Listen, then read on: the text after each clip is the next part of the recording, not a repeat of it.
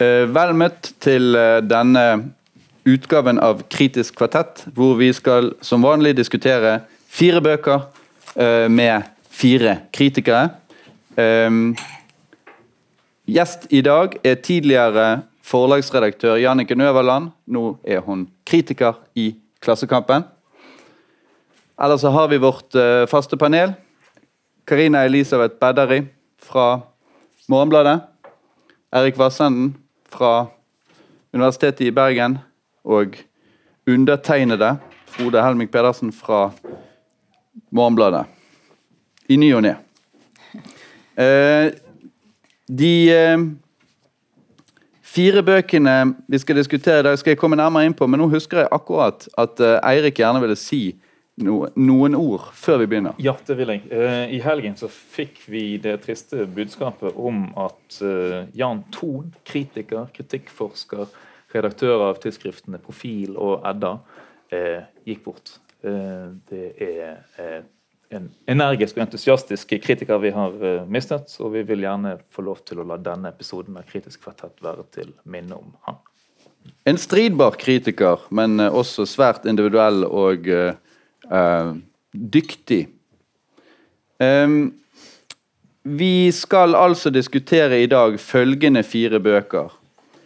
Bendik Wold, 'Canada Dry', Simon Stranger, 'Leksikon om lys og mørke', Trude Marstein, 'Så mye hadde jeg', og Mona Høvring, 'Fordi Venus passerte en alpefiol den dagen jeg blei født'. Uh, vi begynner med Bendik Wold. Uh, for de fleste litteraturinteresserte kjent som uh, både litteraturredaktør i Morgenbladet, forlagsmann i Flamme forlag og nå da kulturredaktør i Klassekampen. Altså en veteran i feltet, men nå da debutant som skjønnlitterær forfatter. Eh, for ikke så veldig lenge siden så hevdet jeg i en uh, diskusjon om virkelighetslitteraturen at det ikke lenger fins noen forfattere som kunne tenke seg å skrive en postmoderne roman. Den uh, påstanden er blitt gjort til skamme av uh, Canada Dry, som utvilsomt er en postmoderne roman. Um, den står i tradisjonen etter Thomas Pynchon, Don DeLillo, David Foster Wallace og andre. Uh, og det postmoderne viser seg bl.a. i at denne romanen ikke er det minste bekymret for om noen skulle finne på å tenke at dette ikke kunne ha skjedd i virkeligheten. Eh, romanen handler om en kunstner som etter å ha blitt eh, påkjørt av en bil får en idé til en helt ny form for kunstinstallasjon. Et drømmeverk eh, som skal lages av eh, en sånn drømmegruppe som er dedikert til det som kalles for lucid dreaming, altså en drømming som til en viss grad er styrt av den drømmende selv. Altså man er bevisst mens man drømmer. Um, og disse Drømmegruppens medlemmer da, de skal entre samme drøm, som er bestemt av kunstneren, og de skal lage en slags kunstverk inni denne drømmen. De skal bygge dette mens de drømmer. da. Og Tanken er da at publikum selv skal kunne oppsøke dette verket ved å drømme, antar jeg, men eh, det, det er vel også snakk om å muligens få til å fiksere dette her på annet vis. Jeg er litt usikker. Men som sagt, det er en postmoderne roman, så det er kanskje ikke så farlig. Um, I likhet med det som ofte er tilfellet i postmoderne romaner, kommer hovedpersonen i berøring med et undergrunnsmiljø.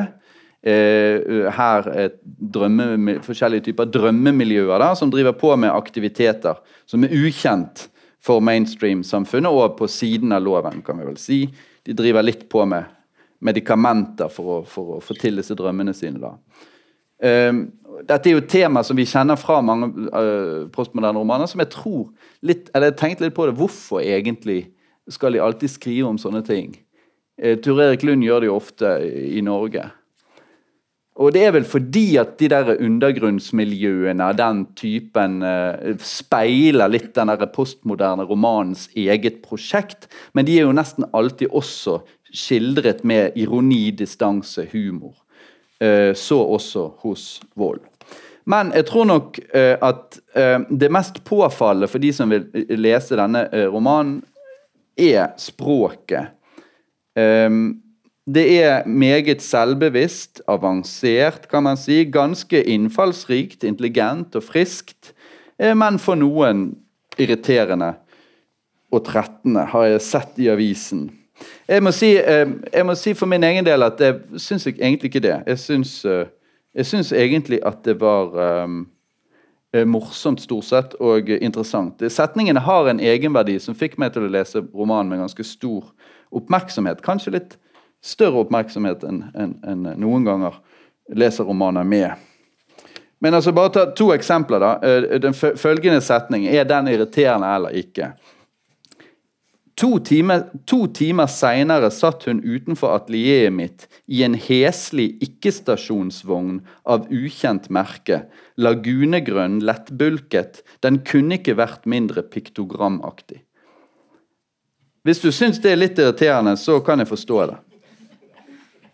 Men øh, jeg syns ikke det. Men øh, her er det noen jenter, unge jenter. Han er blitt påkjørt av en bil og han er blitt, blitt uh, tatt vare på av noen unge jenter som man lurer på er rett og slett er under den uh, Hva heter det? Ikke seksuelle lavalder, den alkoholmessige lavalder. Uh, de er ikke myndige, altså, rett og slett, tror han. De mindreårige, heter det kanskje. God jul, Og så sitter han nettopp kjøpt øl til de på en bar. God jul stemte de i og hadde de ikke vært mindreårige, ville de trolig hevet glassene i en skål. I stedet stupte de mot glassene sine i en synkron bevegelse, liksom tre seler, bare for å dukke frem igjen sekunder senere med ølskum på snutene. Det syns jeg var litt sånn morsomt. Um, Grunnen til at de ikke kan skåle, er at de er redd for å bli uh, fakket som mindreårige. Så de Vær forsiktige med ølene sine. Um, men altså, det som, vi, Nå kan vi jo kanskje vente litt med dommen etter hvert, men eh, det er vel et faktum at romanen går i oppløsning på et eller annet tidspunkt. Rundt side 100 eller 120 eller rundt der, så mister jeg rett og slett interessen og begynner å merke, tenke at dette her det bærer ingen steder, egentlig. Men det var moro så lenge det varte. jeg vet ikke hva dere andre sier til det. Janniken, f.eks. Du kunne jo spørre det ekle spørsmålet er det, en rom, er det én roman? Spørsmålstegn. Og hva vil du svare på det ekle spørsmålet? Nei, det er jo sånn at romanen kan romme alt. Så svaret kan jo liksom teoretisk i hvert fall være ja. Men jeg er jo enig med deg at eh, Og jeg tror kanskje for meg så falt det fra hverandre litt før. Mm. Men uh, inni de delene er det jo ganske morsomt. Mm. Men det du sier, er egentlig at eh, romanens ulike deler står ikke så godt til hverandre. Nei, de gjør ikke nei, det. For nei, han, sli, han, slipper liksom, han slipper det totalt i noen. Altså dette med drømmeverket, som jo er veldig vanskelig å forestille seg. Som mm. kan lage noen sånne skjelettaktige bilder og sånn. Eh, så er det et parti et, som er veldig morsomt, om eh, adopsjonskurs på Gardermoen eller mm. Jessheim eller et eller annet av folkets sted um, i seg selv. Mm. Uh, og så er det et parti med å lære å kjøre bil som voksen, mm. som er ganske morsomt.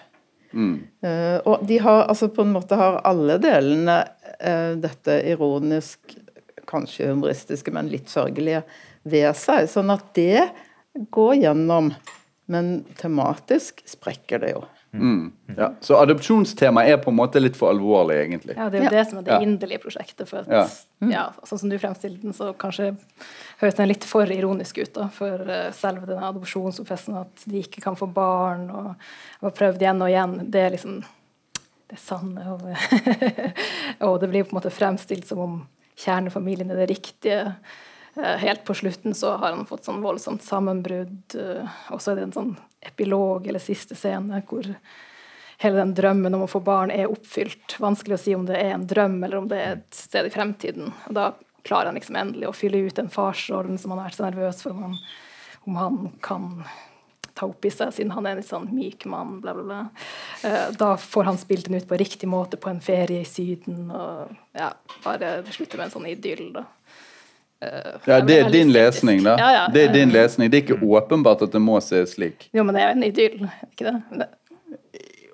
Det er en idyll, men det er veldig vanskelig, unger, liksom. veldig vanskelig, å vite om det er en ja, sånn iscenesatt drøm av ja. kjernefamilien på all inclusive sydenferie-parodiaktig ja, eh, eh, fantasi. Men, men, samtidig sant, så, så, så, det stilles åpent fordi at det, det står i forlengelse av si, kunstprosjektet som eh, ikke realiseres, eller som ikke drømmes frem.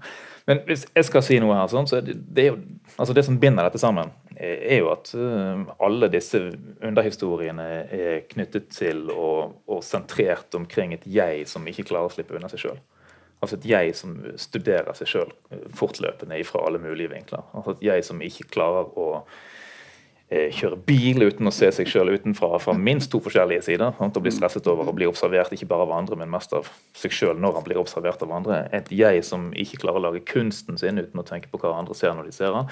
Et jeg som ikke klarer å forsøke å befrukte konen sin uh, uten å tenke på hvordan han ser ut.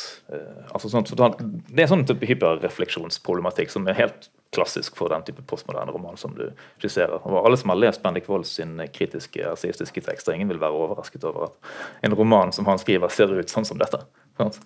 Eh, Vel, og, men han har jo vært mest, først og fremst avantgardens talsmann i, mm. i offentligheten. Uh, og som man kunne jo ha sett for seg at det var litt mer avantgardistisk, kanskje. Ja, eller konsept. Litteraturen er det vel mest. Ja. ja. Mm. Mm. Men syns du den var morsom? Jeg syns den er morsom på grensen til det litt for fikse. Ja. tror jeg må si. Noe, men som, som Frode sier, med disse setningene som du, som du trekker frem, da, sånn, den ene er sånn nja, den første. Men den med selene det er en ganske fin observasjon ja, av disse, disse, jentene som beveger seg i et sånt forbudt territorium. da, eh, og, og, og men, oppfører seg og det, og det er en del sånne fine observasjoner her. og da. Ja, men det er ikke det moduset som du leser med den selsetningen som liksom er hovedmoduset i romanen. Det, for det er ikke så ironisk der. Der er det jo mer Nei, det, nei det, det, sitatet der er ikke så ironisk. Nei, ikke sant? Jeg er enig i det. Uh, Men, mens for eksempel det er Jeanette, som er med i en av disse drømmegruppene, hun blir veldig frekk, nesten i sånn latterliggjørende fremstilt. Som en slags bygdedame som går med ullstrømper fra nøstebarn på Sagene i Oslo, som egentlig er ment for uh, barn. ja. og liksom er sånn prototypen på en eksentrisk dame fra bygda. Og det tok du den der? Ja, litt. ja, jeg skjønner det. Jeg skjønner men, det. Men, men, men, jeg er litt uenig med deg i at, at den er så veldig inderlig i de der adopsjonssekvensene. Jeg kan ikke helt se det. Altså, det meste går jo på en sånn rivalisering på en måte innad i det der adopsjonskurset, hvor han skal ta rotter på han derre skjeggebusen, ja, ja. som er en sånn irriterende flinkis på adopsjonsfronten, som alltid sier de rette tingene, og sånn, så han får lyst til å vippe pinnen i et sånt rollespill, som er veldig morsomt, syns jeg. Der de skal spille barn og, og far. og han hovedpersonen skal spille barnet og gjøre seg totalt umulig for, for den som skal liksom være den perfekte far. Det er et ganske fint, et, et fint si, portrett da, av denne ja, bamseaktige skikkelsen som jeg vet ikke, jeg tenker jeg står, vet ikke om det står noe sted, men jeg tenker på han som en slags sånn nordtrønder som, uh, som forteller historier fra marken hele tiden, og som utstråler en type faderlig trygghet og mm. autoritet. Og så kler denne hovedpersonen i romanen gradvis av denne trygge bamsefar og viser hvordan hans, hans, hans faderlighet og trygghet stort sett er et sånt uh, rent konstruert skall. Ja. Som, som, er, som, er, det motsatte. Ja, han, han, får til det da. Men du Janniken, syns du det var irriterende? uh, språklig sett? Nei, eh, altså jeg, jeg, er jo enig med deg. Jeg, altså Den der ølscenen som du må nesten gjøre når du leser det. ikke sant? De bøyer seg ned og super opp den Så er det sånn synkronsvømming over det, ikke sant? som er veldig elegant. Ja. Og som jeg liksom Det var godt funnet på. Ja. Uh, men det, altså, det hoper seg jo opp, og så er det en del sånne, uh, sånne ord som jeg måtte slå opp. ikke sant? Da ble jeg jo litt irritert. Selvfølgelig. Midt inne i en sånn Jessheim-skildring. Uh, men så tenkte jeg at kan vi si noe om tittelen? Ja, jeg vet ikke hvorfor han heter det. Nei, altså da, Er det en whisky? Da gikk, nei, det er Canada Rye er en sånn uh, um, Hva heter det? Ginger ale. Oh, ja. uh, Men den er altså da laget på 1800-tallet. Men den så, var så sterk, da, i hvert fall til å begynne med. Far less sweet than other ginger ales. Og den ble brukt under prohibition, altså forbudstiden, til å dempe hjemmebrentsmaken. Mm. Så jeg tenkte kanskje at det kunne ligge noe der. Ja. Hmm. En sånn skarphet, på en måte. Men den har, denne boken har jo ikke én samlet eh, tanke eller idé. Nei. Men den, har et klimaks. og hvis du kan si Det som er mest fascinerende med, den, fascinerende med denne boken, og samtidig mest frustrerende med den, så er det jo da denne bevegelsen hen imot det som er liksom plott klimakset mm. i, i, i, den historien som handler om kunstneren. Han som skal skape dette, dette konseptkunstverket i drømmene. Mm. Eh, altså, for det er på en måte det ultimate kunstverket som ikke kan ses utenfra som noe annet enn eh, en gruppe på åtte sovende mennesker med nattmasker i et galleri. Mm. Og så er det, u, det er uklart, som du sier, for om, man kan liksom gå, om noen noensinne vil få tilgang til dette byggverket. Jo, det, de det er jo en, en som ja. hevder at han har fått det. da, En, eh, en nabo. Som han også er forelsket i. Ja, ja. Men, men altså, og det frustrerende med dette selvfølgelig er at ideen er at vi skal reise et slags sånt modulbasert byggverk i Tøyenbadet. Mm. Eh, nattestid. Eh, men det frustrerende med dette er at det, man ser for seg at det er et ganske grandiost konsept ja. de lager til. Da. Men det frustrerende med det er at det er selvfølgelig fordi det foregår i drømme, og det er uklart hvordan det skal realiseres, visualiseres. Det er kjempevanskelig å beskrive. Ja. Og ja. Bendik Wold sjøl får ikke helt til i romanen om dette kunstverket å beskrive det kunstverket som skal skapes i drømme av aktørene i romanen. Altså det er svakheten. Men det blir jo sagt, eller det er kanskje litt uklart om det er der Camilla, naboen sin idé, eller om det er hovedpersonen sjøl som har funnet på at det skal være et slags mausoleum for alle de ufødte barna til hovedpersonen og altså, kona. Knyttet til den andre tematikken. Ja, ja så da, da det, kommer de to tematikkene sammen, og så blir det enda mer, litt mer inderlig, da, synes, tenker ja, Det er hun naboen som sier det, og når, det går opp for han at, når hun sier det, så går det opp for han at det, det, det, det, det er. Mm. Men, men, dette er jo ikke noe Bendik Wold har funnet på.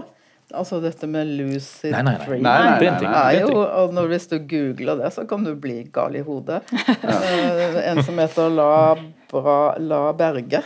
Som forekommer i boken. Han sitter på Google holdt jeg på å si, og foreleser om dette. Mm. Og Det har han gjort i 70 år, men nå tror jeg han har rømt ut i ørkenen. Ja. Mm. ja, men det, det, fantes jo uh, et sånt begrep Også, også tror jeg, i antikken, til og med. Eller sånn konsept. Ja, alle, alle sånne ideer om drømmer. Men her på en måte blir det jo så konkret òg.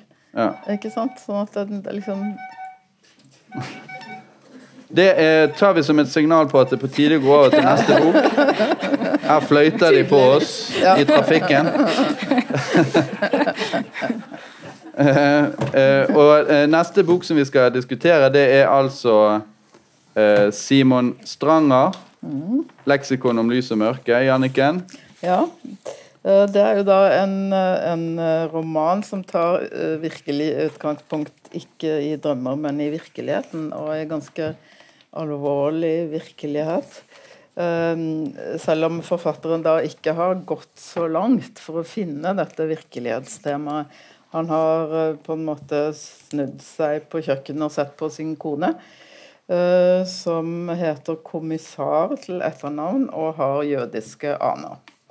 Ehm, men det er ikke der romanen begynner, for kona har han sikkert sett på før.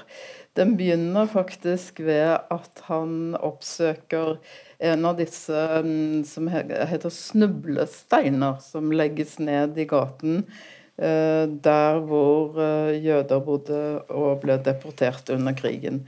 Det var en tysk kunstner som på 90-tallet fikk faktisk denne ideen. Eh, og nå er det nesten 70 000 av disse messingbelagte brostenene Eh, rundt omkring i Europa. En, en, en, flott tanke og en stort utført prosjekt i virkeligheten. Eh, dette eh, viser han, forfatteren, sitt, sin sønn, og så spør sønnen men hvorfor døde da er, altså Til denne sønnen er han som fikk stenen, tippoldefar. Det er liksom utgangspunktet for hele historien. Eh, så går han på en måte Stranger tilbake igjen og finner tippoldefaren til sønnen. Sånn at, at liksom, romanen på en måte er en forklaring til sønnen. Når han har lett litt i dette familiebildet, da, som går liksom tilbake til begynnelsen av århundret, men fokuserer på krigen selvfølgelig mest, så finner han jo ett stort spørsmål som på en måte er knutepunktet i romanen. Tippoldefaren, altså den første kommissæren, han ble i 42 arrestert og plassert på Falstad fangeleir.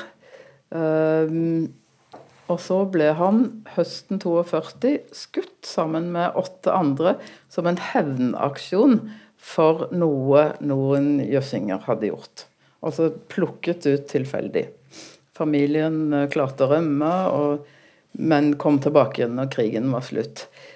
Det knutepunktet i romanen som han på en måte eh, sier selv, forfatteren, at var der hvor liksom romanhandlingen begynner å bevege seg, det er at denne familien, kommissar, altså barna, sønnen til han som ble skutt på Falstad, de flytter inn igjen i det huset, i den villaen som var Henry Rinnans eh, eh, bandekloster. Altså huset der hvor det foregikk forferdelig tortur i kjelleren. Eh, og jeg kjenner at jeg liksom kjenner det hver gang jeg sier det. Så kjenner jeg at what? Hvordan, hvordan henger dette sammen? Det er liksom jakten først på denne tippoldefaren, altså hans historie og familiens historie. Uh, krigen. Uh, og dette uh, i, fem, nei, i 48 flytter de inn igjen i det huset. Så krasjer den familien da etter et par år. Men parallelt med dette, som jo da er en familiehistorie med relativt Det er jo en roman, sånn at det er liksom det er ikke sånn, ikke sånn kjedelig 42 skjedde det, 48 det. Eh, parallelt med dette så går forfatteren inn, og det er et veldig dristig prosjekt, og henter opp en slags biografi til Henry Rinnan. Eh, og de som har lest noen kritikker av denne boken, ser at det er der det butter, eh, ikke minst for voksne folk, kan man fordi det han gjør, er på en måte å vise Henry Rinnans oppvekst. Han er liksom tøff i kjeften, liten av vekst, og blir refusert av det norske eh, militæret. Og så skifter han side så til de milde grader. Sånn at her har du på en måte to eh, biografisk linkete historier. Den ene kommissarhistorien er mye større enn Rinnan-historien. På den annen side er Rinnan-historien mer ja, oppleves som mye mer oppdiktet. Og når Stranger skal ta tak i dette, så gjør han et par ting. Han stiler boken til den tippoldefaren. Han sier 'du' til stiffoldefaren, så forteller han på en måte etterhistorien til ham. Og så gjør han én ting til som noen mener skaper eh, en slags uorden. Han lager kapitler som begynner på A, B, C, D, E. Eh, og det eh, skaper en slags uorden, men samtidig en slags orden. For det, han sier da A for avskjed, A for Han henter frem sånne betydningsfulle ord som er en sånn stor frihet, men allikevel som man kan på en måte være litt sånn skeptisk til. Det kan vi jo prøve å finne ut av. Eh, og så har han jo eh, selvfølgelig en historisk roman. Han følger historien oppover. Sånn at denne, denne fortellingen er eh, voldsomt strukturert på, på, flere forskjellige vis. Det går flere strukturer gjennom hele fortellingen. Men og til å være så mangestrukturert, så syns jeg for så vidt at han, han kommer liksom fra det. Uh, man kan diskutere uh, bruken av dokumenter. Man kan diskutere og delvis lage en psykologisk skildring av Henry Rinnan. Uh, delvis prøve å forklare hvorfor han ble som han ble. Uh, man kan diskutere er det lov, eller hvor vellykket er det å bruke dokumentert stoff Uh, og lage romaner av det. Det er noen scener som jeg i hvert fall er veldig kritisk til. Og denne forfatteren oppgir bak i boken hva han har brukt, pluss at han har på en måte hatt en sånn familietilgang. Mm. Altså konas mor er født i dette bandeklosteret mm. i Trondheim. Ja, og det er skildringer fra hans hverdagsliv med ja, ja. kone og Ja, han bruker seg selv som ja. uh, intervjuer og reiser rundt og ser på Falstad og får innføring, og er i den kjelleren òg, faktisk. Ja, ja. ja Hvordan syns du dette fungerer, Karina? Ja, jeg tenkte ganske lenge på hvilket adjektiv jeg skulle finne ut av. Men uh, idiotisk. Å oh, ja, du heller mot idiotisk? Ja, jeg tror kanskje det var Eller nei, det er to ting jeg har å innvende. Først er alfabetinndelingen. Jeg syns at det bare er en gimmick. Det kommer ingenting venta veldig lenge. Når skal det komme en forklaring på hvorfor han har valgt uh, Men det er tydeligvis bare et eksperiment som, det, som, gjør det enda mer patosfylt og legger inn en slags poetisk uh, stemme i det som ikke fungerer i det hele tatt. Og, men, men, det er et poeng, da, som sier. Sant? Altså at Det det, står, det, står, to prinsipper mot hverandre her. Det ene er den kronologiske fremstillingen, og den andre er den encyklopediske. Og ja. det, dette, det er et leksikon. I hvert fall er det arrangert som det. og Det betyr jo at forskjellige typer kunnskaper kunnskap eller stoff havner ved siden av hverandre, selv om de ikke står eh, til hverandre i noen kronologisk sammenheng. Eh, men jeg må si at jeg er enig, jeg er enig med deg når eh, vi skal konkludere. Altså, for, for, det fungerer, eller det kan kanskje fungere på et slags sånn konseptuelt nivå, men, i, men, men, det er i hovedsak en gimmick. Fordi først og fremst at romanen, på en måte innvollen i romanen i så sterk grad egentlig er kronologisk. Altså Det er en, er også en vanlig roman fortalt rett fram. Eh, ja, Så han tar ikke grepet langt nok? Nei, det tror jeg ikke. Og, ja. og det som fins eh, og Det er riktig at den Rinnan-historien er mindre enn det andre rent sånn stoffmessig, men den, den dominerer etter hvert totalt. så den, den, får veldig mye plass mot slutten av romanen. Mm. Siste halvdel. Og ja, det, det, tror vi kanskje er enige om det. altså At psykologiseringen av ja. Rinnan er virkelig, si, er, virkelig så banal at det er hentet ut av en slags, eh, en slags sånn, sånn, helt totalt skjematisk. Ja, ja, Bøllet, eh, utsatt for mobbere og bøller blir nazist. Eh, blir banket opp av eh, klassekamerater og fornedret av jenter blir torturist og misogynist. Men ikke altså- bare det, da. Språkene beskriver det på er jo også helt sånn raseriet vellet opp i han. Bare vent, bare vent, tenkte han. Utropstegn, utropstegn, capslock. Bare OK, ja. men, men, det, men, det er omtrent Det er faktisk, det ligner ganske mye på det foreleggene. hvis dere går, Jeg gikk og sjekket den der ene boken som han skriver han har mest uh, tatt mest fra. Jeg husker ikke hva, hva han het. Jo, jo, men det har ingenting å si, for hvis jeg blir liksom eh, gift med en person, får et barn med den, og så eh, blir det barnet borte, og jeg senere får et forhold til min egen sønn, så betyr ikke det at det funker som roman, selv om det virkelig skjedde. ja, så det som har skjedd, det har, det har ingenting å si for om det fungerer litterært. Nei, jeg skjønner, jeg skjønner men det kan hende at, ble, at, at det der altså det der med at han ble mobbet og hadde stort behov for å se på seg selv som ekstra betydningsfull. At det er, er, er, er ikke så veldig mye mer det går an å finne ut Nei, men jeg syns det er godt fremstilt, da. Neida. Nei. Det, altså, det, det, er fullt mulig at det er en helt gangbar forklaring på uh, gåten Henry, Oliver Henry Rinnan, men, ja. men likevel så, så, så, er fremstillingen av det synes jeg, skjematisk. Det passer jo på en måte ikke her, egentlig. Mm. Men, men, de tingene som ikke eksplisitt knytter an til Rinnan-historien, hva syns vi om de? Altså fortelling, Fortellingen til tippoldefaren til hans egne barn. Eh, som egentlig ikke, ikke, ikke, er helt avhengig av historien om Rinnan. Nei, han kunne jo skrevet den uten å ha hatt Rinnan. Ja. Det hadde vært nok. Det hadde det vært. Ja, men jeg må si at jeg, jeg eh, var mest interessert i den Rinnan-historien. Ja, har... faktisk, faktisk, så syns jeg at fordi at det som er problemet med den andre, den kommissarhistorien, er jo det at han har det, det litt sånn spektakulære faktum. Mm. At de flytter inn ja, der. ja. Men etter at de flytter inn der, så skjer det egentlig ingenting annet enn at familien langsomt Går går ned i en slags depresjon sammen med moren. Og, Mm. og, og det skjer egentlig ikke noe. men Han har ikke noe å gå han, han, han får ikke til å lage noen fortelling derfra og videre som egentlig har noe med det å gjøre.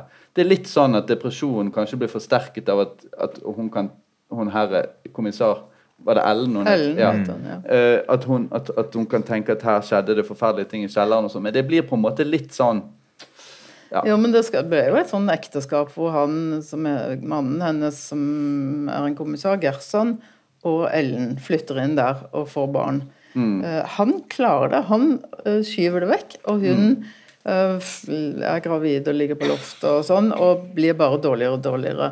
Sånn at, men det går han jo ikke inn på. Nei, men spørsmålet mitt er bare om det har egentlig noe å si om de bor i det huset. For det virker jo egentlig som om det er andre grunner til at hun er deprimert. Det at de må være i Trondheim, det at hun ikke har noe egentlig å ta seg til. Han er i butikken, hun har ikke noe eh, Hun er bare husmor. Det er jo en vanlig skilsmissehistorie, da. Ja. Selvfølgelig, så det, det er ikke en helt vanlig skilsmissehistorie. Nei, den De flytter til de, de flytter til Trondheim. Ja. Han vet om at hans familie har Ja. funnet dette huset, for det er jo hans familie som, som vil ha han dit for han skal jobbe i klesbutikken. Og eh, han vet at dette huset er det det er. Men han nøler med å fortelle konen Det, det var dette. billig, sant? Det var, de var ingen som ville flytte inn Så hun, han, han, han utsetter det, sånn som man gjør når man har noe ubehagelig å fortelle. Sant? Det, Mm. det er mer komfortabelt å ta det i morgen eller neste uke. Og så skjer jo det da at eh, det er ikke han som forteller det. Det er svigermor Nei. som sier det. Jeg, hva Som synes du om å flytte inn i dette huset hvor Rinnan torturerte Ja. disse eh, Ja. og drepte disse folkene? det, er klart at, det er klart at de stiller ikke på like fot. Og at det er en litt uvanlig skilsmissehistorie. Men når du sier at du blir mest fascinert av Rinnan-historien, så blir jeg ikke det. Da faller jeg helt av. Det er en sånn lang scene hvor de er ute på en øy og skal skyte noen eller finne noe. Ja. Og da tenker jeg åh, det er en sånn TV-serie som jeg har sett millioner av, og som ikke har noe Akkurat som forfatteren blir fanget i sin egen sånn Å skrive en sånn spenningsroman som Ja, ja. ikke hører hjemme i denne romanen. Sånn at de delene faller liksom helt ut. Ja, jeg, altså jeg, jeg er jo enig i at, at det der spenningsromansproblematikken dukker helt klart opp. Og eh, jeg ser jo det der alfabetgrepet hans som et forsøk på å demme opp mot den tendensen. Til at det blir, skal ha en litt sånn streng komposisjon for å forhindre denne her litt sånn populær eh, driven i Rinnan-historien. Mm. Men, men problemet er litt når Stranger selv står der eh, og er på kjøkkenet og sånn med, med sin kone, og så kommer dette grepet her. Sant? Da er det, det, det er et eller annet helt feil med det, for det, da må det jo bare være Stranger som har funnet på det. Poenget med sånne grep som det der er at det skal være en streng upersonlighet i sånne grep. Det skal gi deg et inntrykk av å ha falt ned fra himmelen, nærmest. Hvis, det er liksom, hvis du sier selv la meg nå prøve å skrive dette som et leksikon eh, med a-er og b-er, så, så fungerer ikke det. Eh, sånn at det er et eller annet modernistisk over det grepet som han ikke følger opp i det hele tatt. Men grunnen til at jeg interesserte meg for Rinnan-fortellingen, var kort og godt at jeg visste egentlig ingenting om Rinnan. Eh, bortsett fra det jeg vagt husker fra, fra ungdomsskolen eller noe sånt. Sånn at jeg var bare interessert i den delen, og, og det at det var en spenningsroman, et problem spenningsromanaktig var sikkert et problem estetisk sett, men det var ikke så farlig uh, for meg. Jeg ville egentlig bare ha den historien inn. Da har jeg et tips til deg. Da skal du lese den boken som er skrevet av Rinnans sønn. Som heter Rinnans sønn. Ja. Som er et traurig dokument. Ja, men jeg er jo ikke ute etter å ha det kjedelig, da. Nei, men da får du vite mer om Rinnan. Ja, Jeg har ikke noe imot å lese om Rinnan i litt sånn thrillerform. Men et spørsmål, sånn da. Altså for folk som er unge, meget yngre.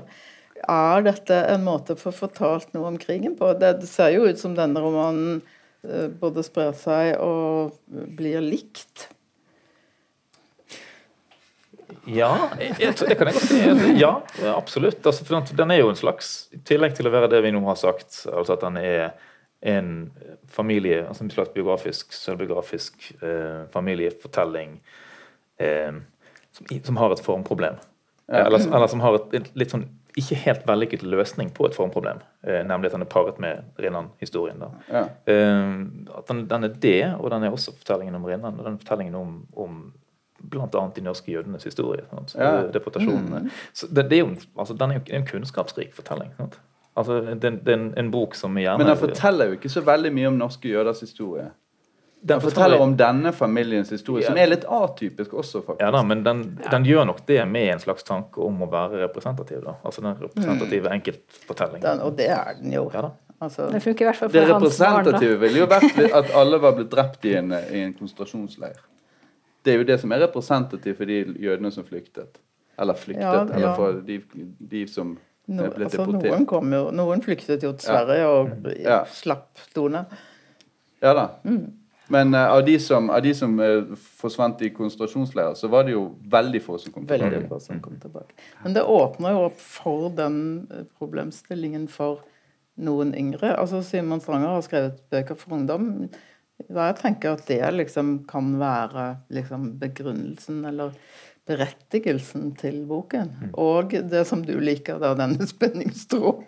Jeg liker og liker. Nei, men som du ble Men jeg liker det bedre nå hører hun deprimerte kommissar uh, Kona. Kona. Mm. Ja. Som jeg syns er bare eh, står i stampe der. Mens Karina syns det hele er idiotisk. Ja, jeg må holde fast på det. Nei, det uh, Jeg syns kanskje at noen av de partiene hvor han skriver til han Hirsch, kommissar, mm. at det du-grepet faktisk fungerer Spesielt på slutten han beskriver hvordan han dør og mm. sånn. Da tenkte jeg ja, det kan funke, sånn som du sier, at det liksom kommer en nærhet til historien på en eller annen måte inn i teksten der. Men som ofte så er det for dårlig skrevet, rett og slett, for meg, da. Men at det, blir en, at det blir en litterær snublestein, på en måte, er det du, mm. du egentlig sier? Mm. Eller foreslår ja. at det kan ses som? Ja, for altså, disse steinene er jo der, og de er ganske pene mm. faktisk. Ja, og skriften er ganske pen. Det er sånn at de krever altså Små barn som går og ser på bakken, mm. de krever jo en slags forklaring. Hvorfor, mm. hvorfor er det messingsstein? Ja, mm. Så, og det, dette må vi jo ikke glemme. Altså, det var en som jeg hørte om som sa for to dager siden at de passer ikke her mm. i Sverige. Ja. Uh, og det er jo en setning som har vært sagt før. Ja, mm. ja da, sånn sett. Men, men det, det, det, som, det, som, vi jo må være enige om, at det hjelper ikke at du har på en måte et etisk uklanderlig motivasjon nei, for nei. romanen. altså det kan også den, den, må tross alt fungere som roman også, uh, for, at, for, at, man skal kunne stille seg 100 bak den. Men jeg tror vi er nødt til å gå videre til neste roman. vi har vært temmelig kritiske til Simon Stranger får vi se om det går bedre med Trude Marstein. Som for øvrig kommer hit i morgen klokken syv. Trude Marstein, altså. Mm. Da får hun nok kanskje en annen behandling enn det hun får nå. uh, vi får se. Altså, 'Så mye hadde jeg' heter denne uh, romanen. da. Det er en roman der vi følger hovedpersonen Monica gjennom et uh, halvt liv. Sånn omtrent fra hun er 13 til hun er 52. Og vi følger henne da gjennom en serie med eh, forhold, brudd og forsøk på å etablere seg på nytt med nye menn. Hun blir hele tiden da si, slitt mellom et slags ønske om å høre sammen og et behov for å være fri. Et behov for å la fornemmelsen over den indre stemmen styre. Og det at hun da, da betyr at hun også da må forlate et forhold når hun føler at hun må, gjerne uten noen foregående dramatikk, og uten at disse mennene som hun forlater, virker å være særlig forberedt. Hun går fra studiekameraten Tollef, hun går fra lærerkollegaen Øystein, hun går fra Geir, som hun har datteren Maiken med, hun går fra poeten Trond Henrik. Og helt fra studietiden så eh, har hun også et slags uh, sånn hangup i en forelskelse i en av sine forelesere, Roar, som også da eldes parallelt med at handlingen går på slutten. Så er han en sånn gammel, stakkarslig Han er død til slutt. Ja, han er død. Det er riktig. Um, og Fortellingen om forholdet til denne eldre gifte mannen finnes også som en slags sånn konstant destabiliserende faktor i, i hennes liv. Eh, Tittelen på romanen han spiller jo på denne barneleken der man har en litt sand i hånden, og så kaster man opp, og så fanger det igjen, og så kaster man opp, og så fanger man igjen. Så ser man hvor mye man har, men man har hele tiden litt mindre enn det man hadde i, i forrige runde. Da. Hvor antyder da selvfølgelig at mulighetene i et liv gradvis blir redusert for hver, hvert valg man tar, eller for hver runde man tar. da. Eh, erfaringene fra de ulike forholdene som Monica da er, er, er i, hoper seg opp. De lager friksjon, de lager mange slags uh, akkumulerte tilknytningsproblemer for henne. Men vi kunne også si at hun ser ut til å utvide en grad av kynisme i dette at hun bare går fra disse mennene. Avslutter helt uten noen foranledning. Uh, og, og, og, denne følelsen av noe kynisk da fikk Dagbladet sin anmelder til å utrope Monica til en tvers igjennom usympatisk romanperson. En slags sånn kjærlighetslivets lykkejeger som styrt av selvopptatt logikk bruker og forkaster mennene som hun møter. Hvem, hvem var det? Det var Marius Wulfsberg. Oh, ja. Jeg kjenner Jeg skjønner følelsen da når jeg leser romanen her, uh, uh, og gjenkjenner han.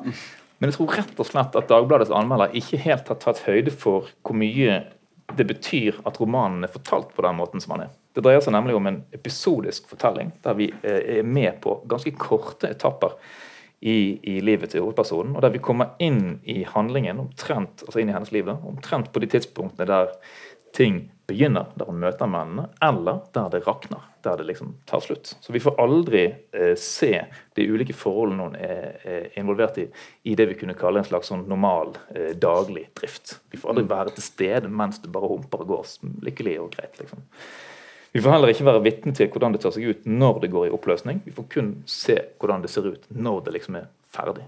Når hun er klar til å gå med kofferten sin omtrent. Eh, og det er klart at En fortelling som bare viser oss sluttfaser, vil se vond og litt, sånn, litt vanskelig og kanskje også kynisk ut. For det vi ser, vi ser altså ikke den der affeksjonen som alltid vil være der i et samliv. Vi får kun se hvordan det tar seg ut når den eh, til sist da blir fornektet, når den ene parten trekker seg ut. Det vi får være med på, er altså opprydningsaksjonene rett og slett etter de forskjellige forholdene. Og De er jo aldri spesielt festlige, og kanskje de heller ikke gir eller er gode eller heldekkende bilder av menneskene som er involvert i de. Så Snarere enn å lese dette som en slags fortelling om en kynisk, kald hovedperson, vil jeg si at det er en roman som inviterer til refleksjon over det som er skåret bort fra historien. Det vi ikke får lov til å være med inn i det er holdt i et ganske avmålt og innimellom nesten flatt språk. Det tror jeg vi må kunne si. Og På dette punktet så er jeg egentlig litt usikker på hvor godt integrert disse tre eh, eh, de ulike elementene her er. altså. Vi får vite litt om hovedpersonen, eh, men ikke alt. Og, og, I en fortelling som er ganske kraftig beskåret, og et språk som da er litt sånn livløst.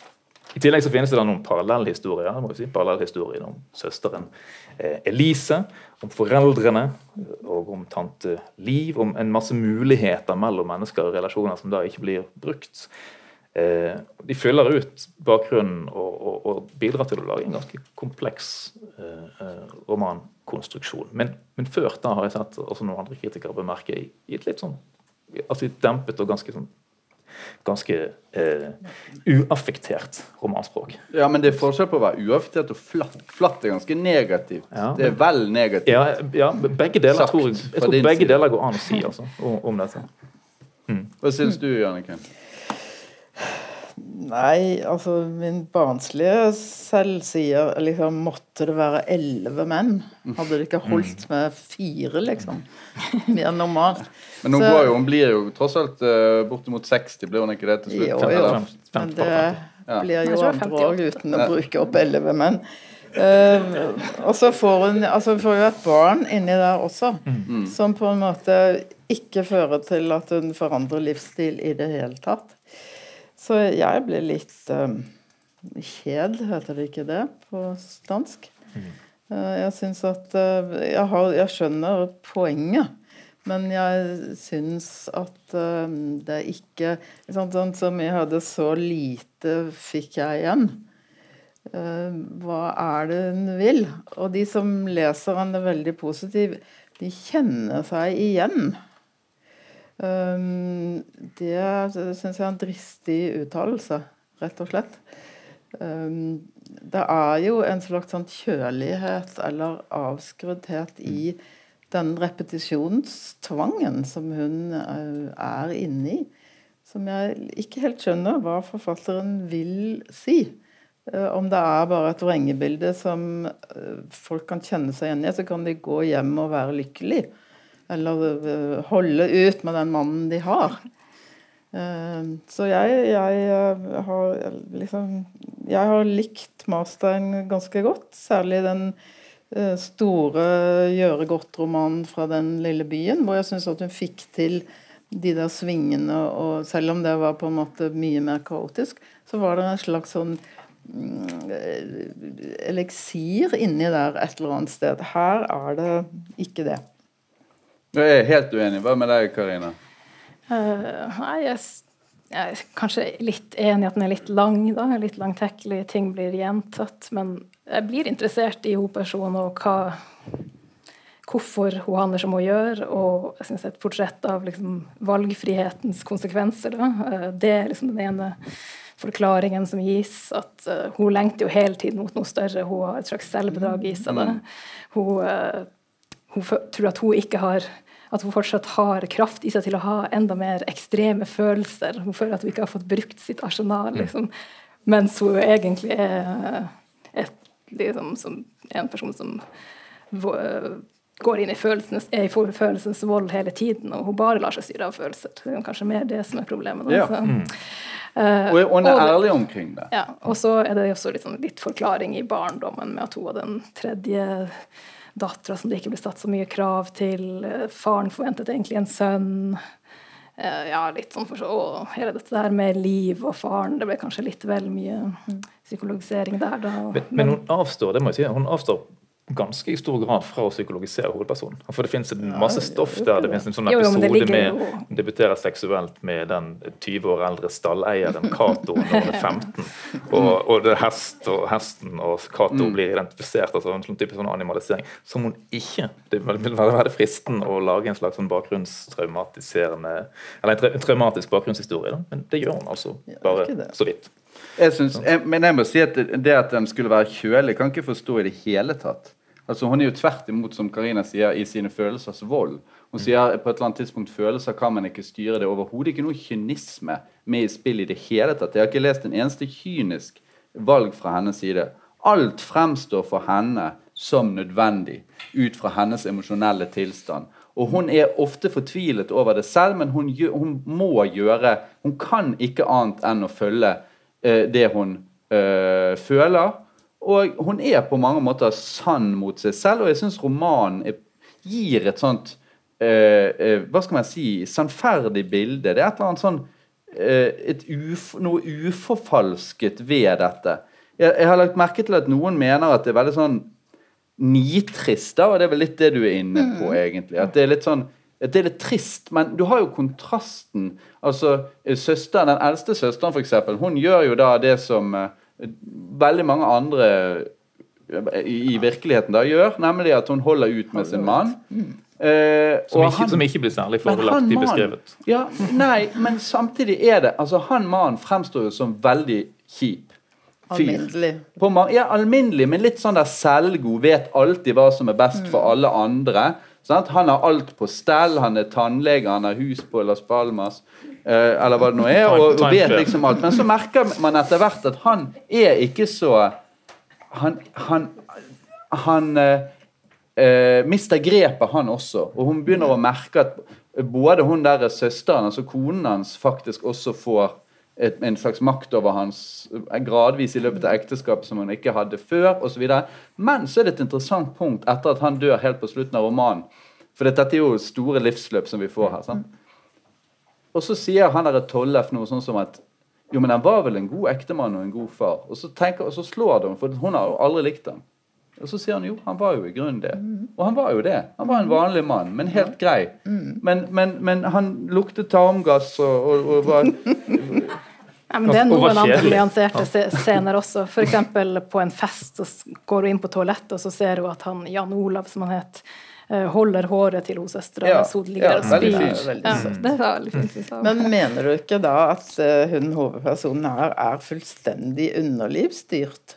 Nei, nei, nei følelser. Nei, hun er, følelses, hun er følelsesstyrt. Altså, Nei, nei, nei. Det, det er er opplagt at hun er offer for noe vi kunne kalle en slags sånn, jeg vet ikke, vår tids bovarisme eller noe sånt. Ja, ja. Og hun har en slags en, en mengde med sånne forestillinger om hvordan det kan være liksom, på sitt aller, aller beste.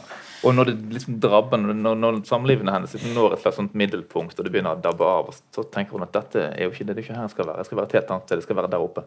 Ja. Og så flykter hun ut av det. Og så sitter hun jo hele tiden fast i eller, Men hun er hele tiden preget av refleksjonene om hvorvidt hun valgte feil. Sant? De ligger der og durer, selv om de ikke får konsekvenser nødvendigvis for neste valg. Men, men altså, om hun hadde vært underlivsstyrt, så hadde ikke det vært noen innvending mot romanen. Altså, da, da, måtte du da måtte det vært et eller annet med at, at, at det var en falskhet i den skildringen. Ikke at, at du moralsk sett var opprørt av hennes oppførsel. Det kan jo umulig være en gyldig kritikk mot en roman. Nei, men at hun har et smalt uh, følelsesregister. fordi at hun, altså hun, hun tiltrekkes av disse mennene, og så går det en bitte liten stund, og så er det en- enten han Roar som kommer igjen Ja, hele Ni tiden. år, er det en bitte liten stund?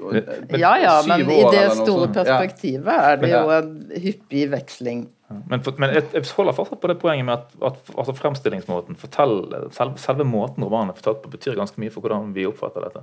Det at vi, vi bare får se ja ja, den biten av Ja forholdet da, det- du som, som er liksom på havariets, eh, på havariets rand. Sant? Eh, vi, får, vi får ikke se alt det som vi ønsker oss av et samliv, nemlig Nei, idealisert, gjensidig kjærlighet osv. Men så effekten av at vi ikke får se det, En annen ting er jo forholdet til dattera. Der fremstår det jo kanskje ikke så sympatisk. Da. Og der, eh, Men, men vi, vil vi bare lese om nei, nei, nei, nei, jeg, sympatiske mener, folk? Nei, nei, nei. jeg har ikke noe imot det i det hele tatt. Jeg bare kom, uh, sier at det bidrar til uh, at noen kan mislike. Men jeg syns også det var veldig mystisk med det Wolfsberg og jeg tenker det er litt sånn eh, Viser òg hvor raskt man reagerer med en gang en kvinne som oppfører seg sånn i en roman mot både barn og menn. da hadde kanskje ikke vært så mye fokus på usympatisk for hovedpersonen hvis det var en mann.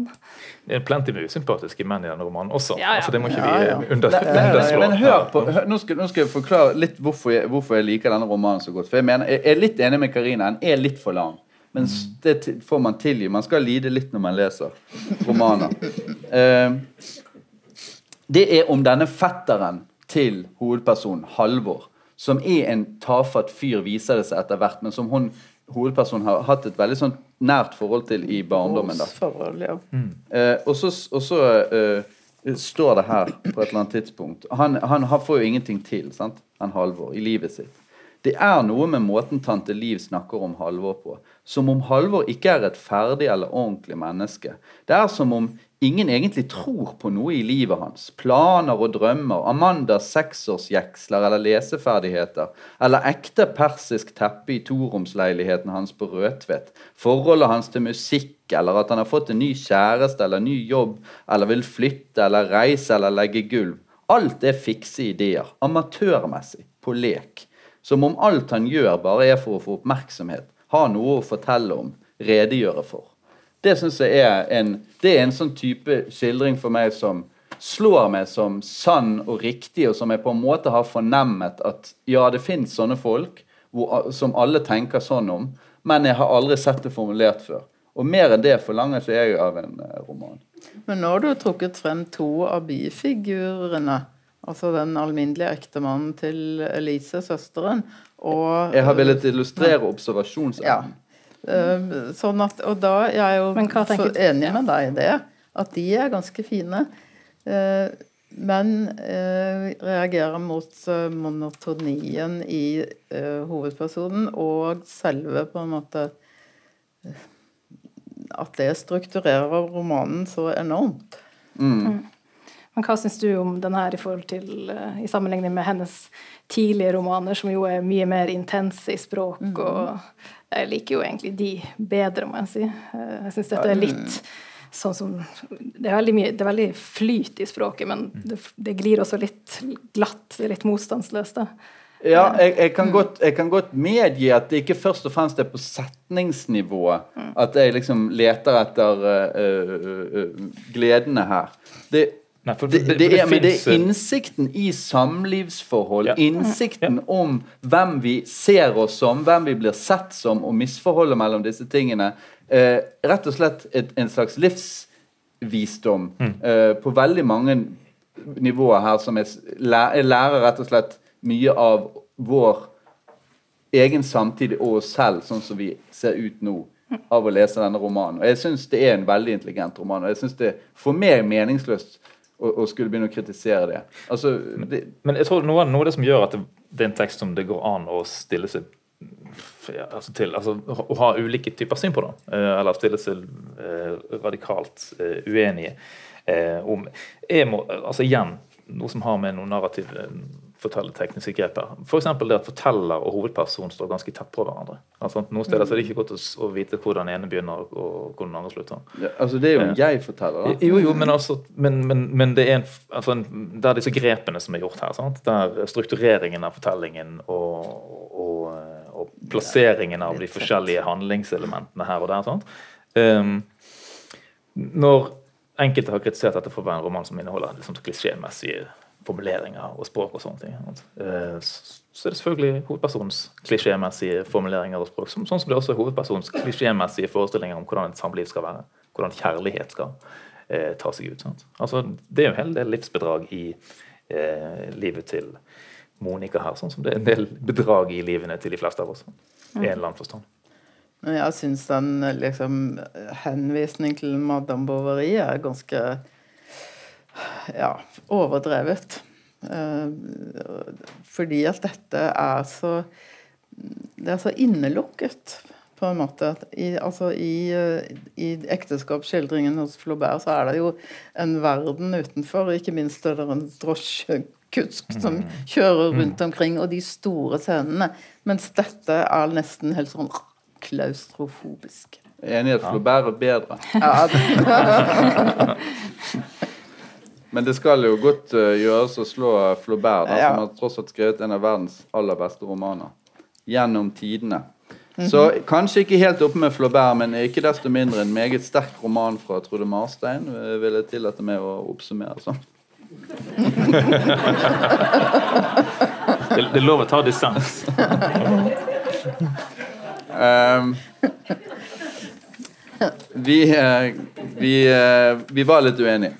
Eh, men vi går videre til eh, denne boken av Mona Høvring, som ser altså slik ut. Ja. Eh, jeg så at eh, Klassekampen sin anmelder skrev eh, om den boka at eh, den kunne sammenlignes med et glass friskt grapefruktbrus, eller noe sånt. og når jeg anmeldte den sjøl, så måtte jeg skrive at forfatterskapet til Høvring kunne bli sammenligna med en katt, fordi hun er så egenrådig og liksom veldig sånn kjærlig, men samtidig går helt sin egen vei. Det, ja. det illustrerer veldig hvordan hennes tekster uh, setter i gang en formuleringsglede i leserne også, da, og de er så utrolig språklig oppfinnsom. Uh, det man først og fremst merker seg når man leser hennes bøker Hun er jo, hun er jo poet i tillegg til romanforfatter. Har gitt ut egentlig mer poesi enn romaner. Uh, hun skriver på et slags samnorsk, uh, eller kan kanskje kalle det radikalt bokmål, men det er også innslag av nynorskord. Det må vel kanskje, Hvis det er noen som skriver samnorsk i dag, så er det hun. Med utrolig mye uh, gamle adjektiver, en slags eventyrlighet i språket som man også ofte finner igjen i historien. de er liksom ikke helt realistiske. Hovedpersonen er liksom vi har et snev av eventyr i seg, det som skjer. og Sånn er det også i denne nye romanen. Den handler om to søstre som er 22 og 23 år. De er liksom nesten tvillinger, for de er født på samme dag med kun ett års mellomrom. Der kommer liksom det eventyraktige inn med en gang. Uh, og hun eldste søstera Martha har vært innlagt på et nervesanatorium. Uh, og da etter det så reiser de hun hovedpersonen Ella, som er jeg-fortelleren, opp til et uh, høyfjellshotell som Ella forestiller seg først ligger i en slags sveitsisk alpelandsby, men som samtidig innrømmer at det bare er en norsk bygd. Så det er liksom det som er perspektivet. Det er en slags dobbelthet. Og så handler det om forholdet mellom de to. De har vært utrolig nære i oppveksten, uh, men så har Martha reist til Danmark på et tidspunkt for å bli sammen med en mann. Og når hun kommer tilbake, så oppfører hun seg helt annerledes. Dette får man da vite i sånn tilbakeglimt, for hele romanen liksom består av jeg husker ikke helt hvor mange, la oss si seks-sju korte kapitler med korte sekvenser. Den er veldig visuelt oppbygd med tablåer og ja, korte scener. Som både er fra denne hverdagen på dette høyfjellshotellet, og også tilbakeblikk til barndom særlig. Eh, og da ja, så handler det om maktforholdet mellom de to søstrene, som har vært utrolig nære, men som er i en slags løsrivelsesprosess fra, fra hverandre og fra familien, mora og faren. Eh, og liksom det å tre i karakter eller bli seg sjøl. Finne ut uh, hvem de er, rett og slett. det det, det. Og er det en masse forskjellige referanser til bl.a. Stefan Zweig. Uh, 'Følelsenes forvirring', en bok som hovedpersonen finner på hotellet og leser litt i. Og språket speiler kanskje litt.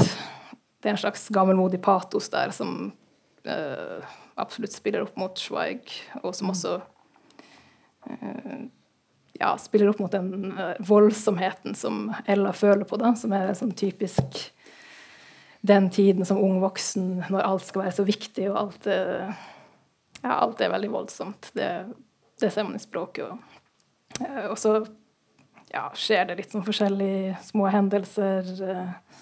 Kjærlighets ja, noen ikke akkurat kjærlighet heller, men et par erotiske erfaringer. Eh, litt frem og tilbake med søstera og faren. Men mest av alt så er det liksom språket og det er liksom følelsen av forvirring og å finne ut av eh, seg sjøl som er kjernen i denne boka. Ja. Jannicke? Eh, jeg blir helt Eh, fascinert over dette språket. En ting er liksom det der radikale norsk Hun har jo en helt egen Første gang du møter disse diftongene, og sånn, så blir det litt sånn Hæ? Har det ikke vært noe korrekturleser leser jeg. Men det har det jo, fordi at Høvring vil ha det sånn. Og det gjør at du blir ganske sånn våken. Men så er det selve liksom setningsstrukturene som er så overraskende at du skvetter nesten noen ganger. Eh, den lille detaljen at hun da sier eh, at de skal reise til en alpelandsby. Det, det står bare en helt vanlig setning, men uh, i hvert fall hos en som har lest noen bøker, så, så lager du et bilde av en alpelandsby. Og jeg har jobbet masse med Thomas Mann, og jeg havner i Trolldomsfjellet. Og den og så sier hun like etterpå at nei, det var bare en norsk høyfjellshotell. Men, men det tenker jeg hodet mitt sier nei, det er nok litt alpete likevel. Så det alpelyset varer et langt stykke så lenge de egentlig er på det sanatoriet. Og det ordet sanatorium òg er jo ikke Så den evnen hun har til å skape bilder, er helt fantastisk, syns jeg. Um, Eirik? Ja, jeg også er med på det meste av det som er sagt her. Og jeg syns at den der fornemmelsen som liksom brettes ut, da, eh, den åpnings, eller den første sekvensen på eh, dette Høyfjellshotellet er også for sanatorium. Jeg, sitter, jeg er stuck, stuck på sanatoriet der. Om det da er, men om det er Hamsun sitt i siste kapittel, eller om det Nei, det, det er Thomas Mann sitt. Ja, det er Mann, selvfølgelig. Mm. Men det fins jo en haug med sanatoriumsromaner. Ja, men det er ikke alle som er like skarpt vintersollys som denne her. Da. Altså den, den der fornemmelsen og beskrivelsen av det der, det der blendende hvite som, som bretter seg ut, det er flott. Når det så gjelder det som skal si, eh, eh, altså romanhandlingen og, og så, så, er det, så, er den relasjonen mellom de to søstrene der ganske, ganske fint eh, beskrevet og ganske intens. Men, men, jeg tar meg jo da når jeg leser dette, i å savne en viss form for eh, fremdrift, eh, bevegelse. Og de, de, kjører motorsykkel eller går eller eh, busser eller biler opp og ned mellom eh, sanatoriet og, og, bygden nedenfor. Men det er omtrent det som skjer. I tillegg til disse, disse erotiske møtene. 'Like ships passing in the night', som det heter i en annen mm. tuberkulose-sanatoriumsroman. Um, men, men, men, det er jo Ja, det er kanskje like mye en slags form for prosa eh, Litt bevegelig prosa-lyrikk som det er eh, romanfortelling. Dette. Ja, altså, men, men hovedproblemet her er jo at hun har jo Eh, altså Det forholdet mellom de to, to, søstrene har jo ingen som helst interesse. Det er jo ingenting der. Det er virkelig ingenting. Ikke, det, det er in, altså jeg kan, kan, nesten ikke forstå hvordan hvordan det er mulig å finne noe å, å gripe fatt i det. Altså, de, de ingen, det er et eller annet med at de mangler virkelighet helt totalt. Du sier noe De har noe eventyraktig ved seg, men er det mulig for en leser å bli nysgjerrig på som, hvordan det egentlig står til med disse menneskene? Det, det, det overrasker meg hvis noen skulle mene. Det, for meg virker det som det er i, i, forfatteren knapt interessert i det selv. Uh, og, og uh, sånn at det, det, virker det er vel, altså Jeg er helt enig med Janniken i at Trollhundsfjellet settes opp her. Som, og som går til og med opp i snøen og har en sånn forvirrende, forvirrende tur i snøen som, som er liksom hans kast opp im snø. Altså, den, den, den, drukner jo totalt i den allusjonen av et, et sånt svært mesterverk. Så rikt. Og så er dette her puslet. Det er en Ruth og en Dani, og det er ingenting nesten som man klarer å få ut av det der. Ja, det er så lite som skjer. Oh, nei, og det er så lite mening som skapes. Det er nesten ingenting. Altså, min, min, kort og godt er ikke, altså Jeg er litt aggressiv innstilt pga. denne samnorsken, som jeg syns er grusom. Men det andre er at det er jo Det er bare rett og slett utrolig puslete som roman. Det er, den har det er, er, det er, en ubetydelig roman. Jo, men, hvis det ikke hadde stått roman på, så hadde du ikke trengt å si noe om dette. For da ser du bare sånn Jeg må ha en fortelling som går fra A, B, C, D. Nei, men, nei, nei, nei. Men, nei jeg sier at det skapes ingen mening for meg. Det er ikke noen mening i noen av disse karakterene. Ja, men Kan ikke synes at det, at det, er deilig å bare lese noen flotte tablåer? Liksom, trenger det å være Jo, det kunne det ha vært, ja. men ikke her. Men har du lest siste siden? Kan jeg få lese de siste setningene for deg? Jeg har jo lest boken, ja. så jeg har lest den siste. Og det, jeg tror ikke du røper noen ting når, hvis jeg leser den. den. Der står det Og når jeg nå, komma, etter mange år, husker denne stunda nå, når jeg er i stand til å gjenkalle denne tida med Martha, da tenker jeg først av alt på ei tid da hele atferden vår var prega av forfengelighet og forvirring. Altså etterskrift. Det er på en måte et tilbakeblikk på en periode. Og til det med de to jentene, er du helt sikker på at det er to? Hvis det er et eventyr, så kan det jo være at det bare er én, egentlig. At det ligger en sånn tvillingproblematikk her. Jeg syns ikke jeg ser så veldig mye tegn til det. Jo, men den ene reiser, og den andre blir. Uh, jo. Men uh, at de skulle smelte sammen på noe tidspunkt Nei, de, de helt... splittes. De smelter jo ikke sammen. Den Nei. ene Nei, Nei jeg, jeg, jeg, skal innrømme at jeg var ikke oppmerksom på den tolkningen. Men, uh, um, men pro problemet mitt er rett og slett at, at de, det er rett og slett det er, det er, så lite der. Det er så lite å gripe fatt i av verken psykologisk dybde eller, eller annen type poetisk mening. Sånn at jeg, eh, jeg får, får, ingenting ut av det, rett og slett. Uh, i det hele tatt. Hva, hva med deg, Eirik? Nei, jeg, jeg, sitter og lurer på hvor uh... Hvor står du her? ja, jeg, har, jeg har nok antydet at jeg befinner meg i en slags pragmatisk uh, mellomposisjon her. Det er jo ikke Men, men, ja, men altså, jeg har registrert en tendens hos meg sjøl til å bli mer og mer barnslig, eller eldre og eldre, ettersom jeg blir eldre og eldre. Nemlig å ønske meg mer eh, god gammeldags handling i romanene som jeg leser. Uh, og, og, jeg savner det i denne, i denne romanen. Altså. Det gjør jeg. Men eh, altså, jeg anerkjenner at uh, også som, som, Frode, dette er kanskje et slags sånn ufordelaktig standpunkt å innta rent språkpolitisk, men det irriterer meg over. Det gjør det, ja. Jo, men det, over, det er noen steder det blir litt maniert, det syns jeg også. Ja, men, men, sammen, altså, liksom. men altså, skriftspråk er så individuelt at uh, det, det, må man få lov til å, å, å velge. Altså, men, men, på sitt beste så syns jeg at de bildene hun klarer å mane frem, er, er, er, er utrolig fine. Ja, Du men, sier jo egentlig at du likte det ikke. Jeg likte det ikke. Jeg, ikke. jeg, jeg, savner, jeg savner, også en slags fortelling. Jeg, ser en, en sånn, Det er en veldig sterk tendens til å estetisere ting her. Da, og, og, det går utover, ja, ja. Det går utover fortellingen. Altså, de, alle disse litterære allusjonene, sitatene, halvsitatene, lånene som er bakt inn her, mm. de, de, dytter det liksom ikke i noen bestemt retning. De bare bygger opp denne, denne så å si, visuelt estetisk autoriserte eh, men, men, ja, altså, visjonen, rett og slett. Altså, hun har ikke noe, altså, poenget er at Hver gang hun liksom skal komme med en, en observasjon av et eller annet, så er det liksom ingenting. Eh, sånn, for eksempel, hun var vakker, det visste hun. Vakker på en bestemt måte. Punktum. Vakker på en bestemt måte. Kan ikke du anstrenge det litt? Liksom? Uh, uh, sånn at det, det, det hele tiden for meg er det rett og slett at jeg finner ingen altså Helt i motsetning til Trude Marstein som imponerer meg hele veien med å rett og slett å ha innsikt i Men det der er jo realisme, liksom. Ja, det, er noe helt annet. Og det er en, viktig, en viktig prinsipiell distinksjon. Det er greit nok det, men de, de, de, Dette er jo en tekst som ikke søker eller vil realisme. Jo, men du må jo ha en eller annen altså All litteratur handler jo på en eller annen slags måte om verden og virkeligheten. Ja, men du vil bare lære om livet, så det Nei, jeg vil ikke bare lære om livet. Ja, ja, jo, jeg vil kanskje bare lære om livet hvis språket er en del av livet. Men, men, men når språket men, er så uh, Unnskyld meg, smakløst og, Smakløst? ja, men helt alvorlig. Altså, du har Skal vi se, notert noterte ned et eller annet sted her. Disse her formene hun har. Det er da uh, AKPML-samnorsk. Uh, ja, her er to bergensere som ikke tåler A-endinger,